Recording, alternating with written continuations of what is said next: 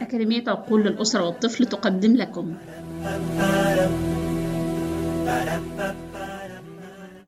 أهلا بيكم. معكم رانيا سلطان.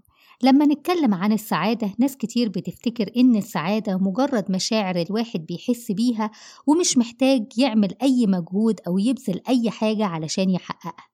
لكن أثبتت الدراسات الحديثة إن السعادة بتتحقق لما الواحد يركز فيها ويبذل مجهود أو هو عارف بيعمل إيه علشان يصل إلى حالة السلامة النفسية والتوازن النفسي اللي بيحقق السعادة. هتقولوا لي دراسات حديثة؟ هي السعادة كمان محتاجة دراسات؟ أيوة في فرع في علم النفس اسمه Positive Psychology أو علم النفس الإيجابي بيركز على موضوع السعادة أو السلامة النفسية إن الواحد يصل ليها إزاي وعن طريق إيه. الحقيقة إن السعادة ده هدف ومطلب للبشرية من أول بداية الخليقة. وعندنا كمان دراسات كتير وأقوال كتير للفلاسفة من أول سقراط وأفلاطون وغيرهم وغيرهم من الفلاسفة بيسألوا إيه هي السعادة وتتحقق إزاي. وفضل السؤال ده موجود لغاية العلم لغاية الزمن اللي إحنا فيه ده والعلم الحديث كمان بدأ يركز عليه.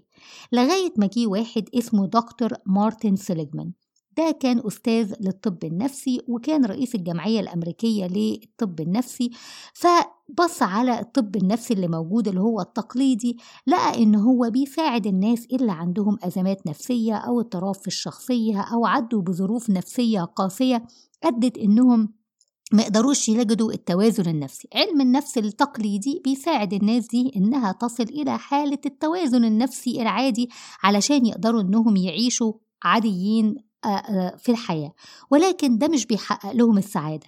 فمارتن سيليجمان قال إحنا عايزين نجد علم ياخد الناس من الحالة الطبيعية بتاعتهم إلى حالة السعادة والسلامة النفسية. العلم اللي يقدر يخلي الناس إنها تنجح في حياتها وتحقق أحلامها تلاقي هدف لحياتها ومعنى لوجودها على الأرض.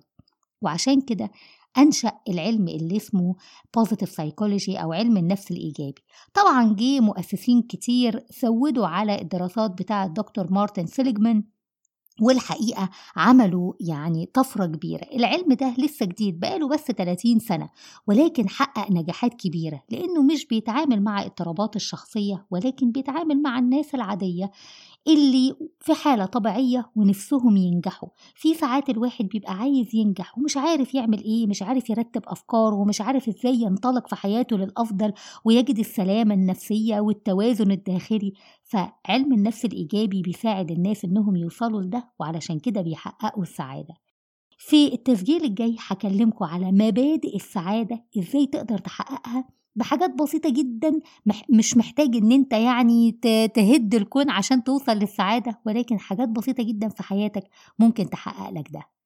انتظروني في التسجيل الجاي. كان معاكم رانيا سلطان. كنتم تستمعون إلى أكاديمية عقول للأسرة والطفل. رب همة أحياء أمة. شكرا لكم.